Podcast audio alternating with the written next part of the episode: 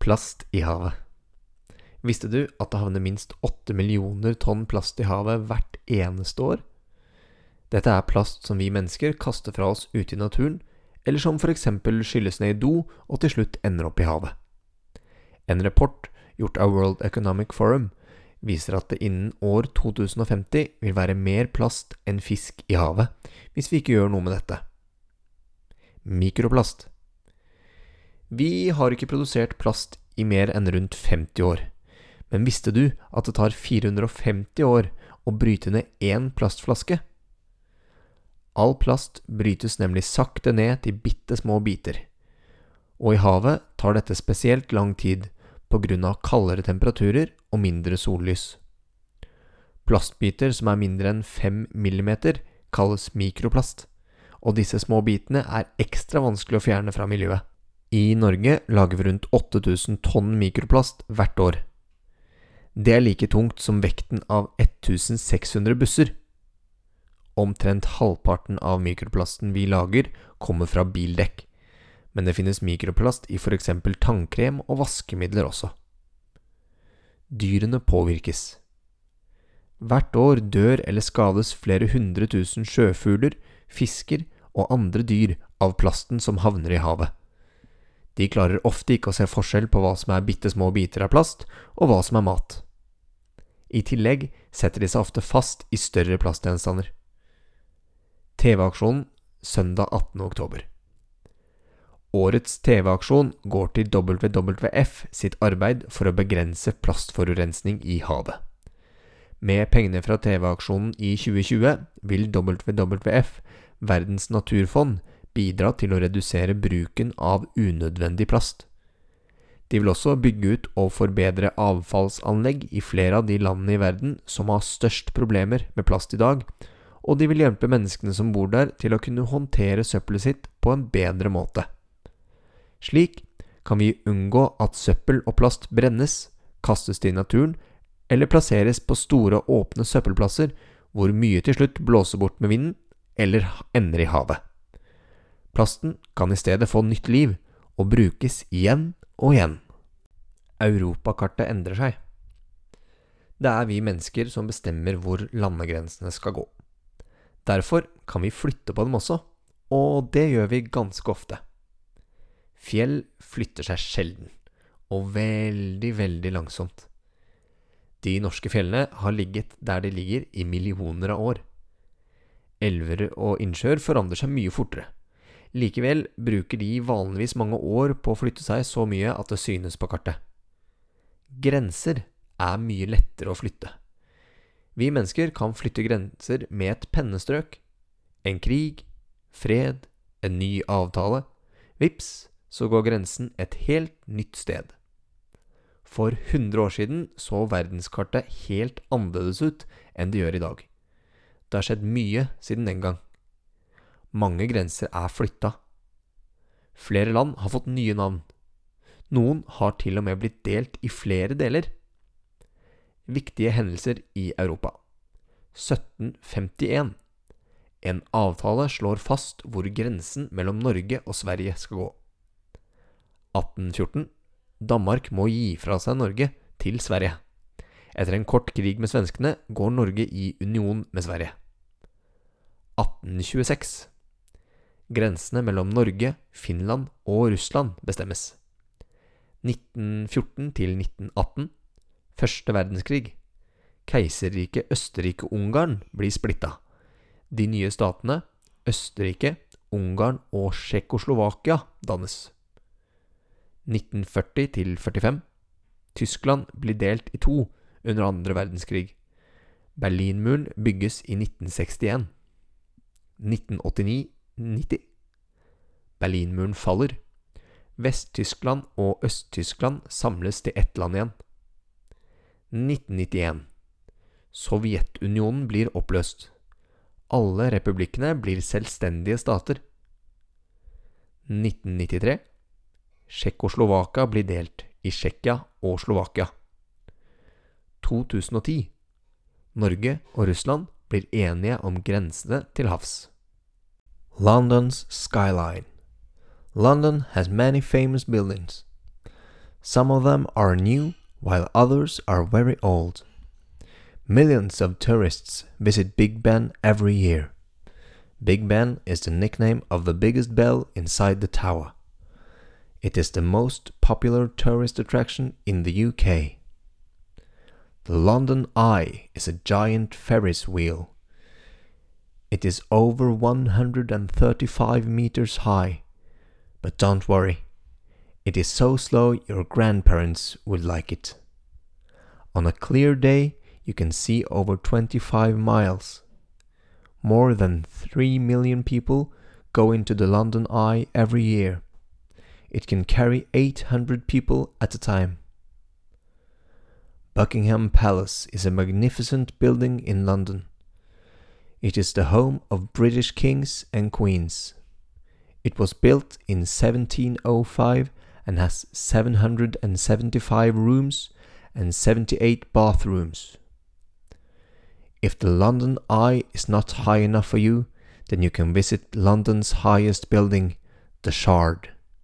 You can't miss it on London's skyline. The Shard's real name is London Bridge Tower. People call it the Shard because it looks like a piece of glass. It is 309 meters high with 72 floors and is the highest building in Western Europe. The view from the top is amazing. FN-dagen FN-dagen feires over hele verden, og den markerer at FN ble opprettet den 24. oktober 1945. FN er en forkortelse for De forente nasjoner, og er en verdensorganisasjon som arbeider for at vi skal leve sammen i fred. Sammen for en bedre verden. I 1945 gikk det mot slutten av andre verdenskrig. Etter to ødeleggende verdenskriger ville nasjonene opprettholde freden, og den 24. oktober 1945 signerte 50 land på at de ønsket å jobbe sammen for en bedre verden. FNs første generalsekretær var en nordmann. Han het Trygve Lie. En av oppgavene han hadde i FN, var å ha ansvaret for at FNs hovedkvarter ble bygget i New York. FN-dagen blir markert for å minne oss på hva FN står for, og hva FN har oppnådd. Flere veier til fred. FN arbeider nemlig for fred på mange mulige måter. I noen land har de fredsbevarende styrker. I sultrammede områder sørger de for mat og medisiner. De arbeider for at urfolk skal ha samme rettigheter som alle andre innbyggere i et land. De jobber også for miljøet, og mye, mye mer. Sosial på nett. Det er lett å være sosial på nett. Du kan chatte, spille spill og lese.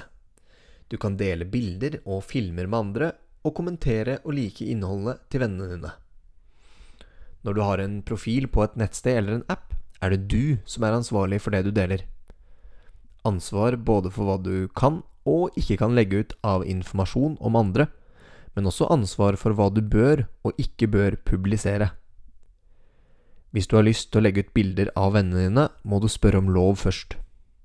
Hvis du har et bilde av en annen på mobilen og har lyst til å videresende det til andre, må du også spørre først. For selv om du synes bildet er morsomt, er det ikke sikkert kameraten din er enig. Det som føles greit for deg, trenger ikke å være greit for andre. Det gjelder også informasjon om andre. Du kan ikke skrive hva du vil om andre, selv om du f.eks. har en blogg. Når du lager en bruker på et nettsamfunn eller en app, er det lurt å sjekke om de har en aldersgrense, og hvilke innstillinger du kan gjøre for din profil. Vil du at foreldrene dine, naboen og vennene dine skal se alt du legger ut? Om du vil ha en åpen eller lukket profil, og hvem som skal få tilgang til innholdet ditt, bestemmer du selv. På sosiale nettsteder logger du deg inn med et brukernavn og passord. Nettsamfunnet Go Supermodel opplever at mange av brukerne deler passordet med venner. Da kan det fort oppstå ubehagelige situasjoner. F.eks. at noen andre logger seg inn på din profil og skriver eller gjør ting du ikke ville gjort selv. Husk at når noen vet passordet ditt, kan de se alt du har på profilen din. Base 502 Felix Baumgartner became world famous in 2012 when he jumped from a helium balloon in the stratosphere. What makes a person do something like that? Ever since he was a boy, Felix was a daredevil. He climbed trees because he loved the bird's eye view. His biggest dream was to fly in the sky. As soon as he turned 16, Felix went to the local skydiving club and learned to skydive. From that moment, he was addicted. Felix's hobbies are climbing, boxing, motocross, helicopters, and rally driving. He is a helicopter pilot, a skydiver, and a base jumper. His nicknames are Base 502 and Fearless Felix. Felix has broken a lot of records. Among them are highest jump from a building, the Petronas Twin Towers in Kuala Lumpur. Jump from the highest building in Scandinavia, turning torso, Malmö, Sweden. Lowest dive from the Christ statue in Rio de Janeiro, Brazil. Jump from the highest bridge in the world, Millau Bridge, France. Felix spent five years training before he jumped from the stratosphere in October 2012. He skydived about 39,000 meters at the speed of 1,342 kilometers per hour. Before the jump, his mother said, I know he is perfectly prepared. I am happy that he can do this, because he worked so hard for it. It is his childhood dream coming true. His family and a whole world were watching as he pulled up to the stratosphere in a small space capsule. He landed safely on the ground nine minutes later. Språk i Norden I Norden blir det snakket mange språk. Noen av språkene er offisielle, og det betyr at det er et slags hovedspråk i et land. I Norge er både norsk og samisk offisielle språk. I tabellen til høyre kan du se hvilke språk som er offisielle i de nordiske landene. Språkene dansk, svensk og norsk ligner mye på hverandre, og de fleste som snakker et av språkene, kan forstå ganske mye av de to andre. Det er fordi dansk, svensk og norsk tilhører samme språkfamilie. Språktreet til høyre viser mange språk som hører til samme familie.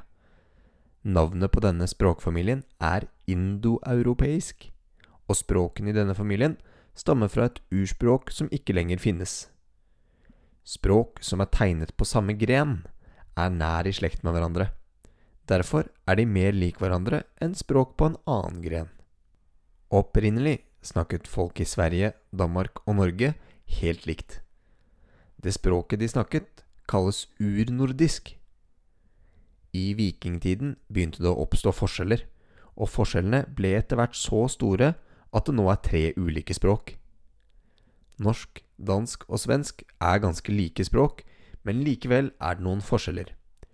For eksempel skrives ikke alle bokstavene helt likt. I svensk brukes bokstaven æ, der vi på norsk bruker æ. Lære blir dermed til lære på svensk. Bokstaven ø skrives som en o med to prikker over, altså slik ø. Søt skrives derfor søt på svensk. I dansk og norsk brukes de samme bokstavene. Men ordene skrives likevel ikke helt likt. På dansk brukes det ofte æ der det på norsk brukes e. For eksempel skriver man pant på dansk og pent på norsk. Reglene for dobbeltkonsonant er også forskjellige. På dansk skriver man eksempel venindo, på norsk skriver vi venninner. Halloween and Thanksgiving.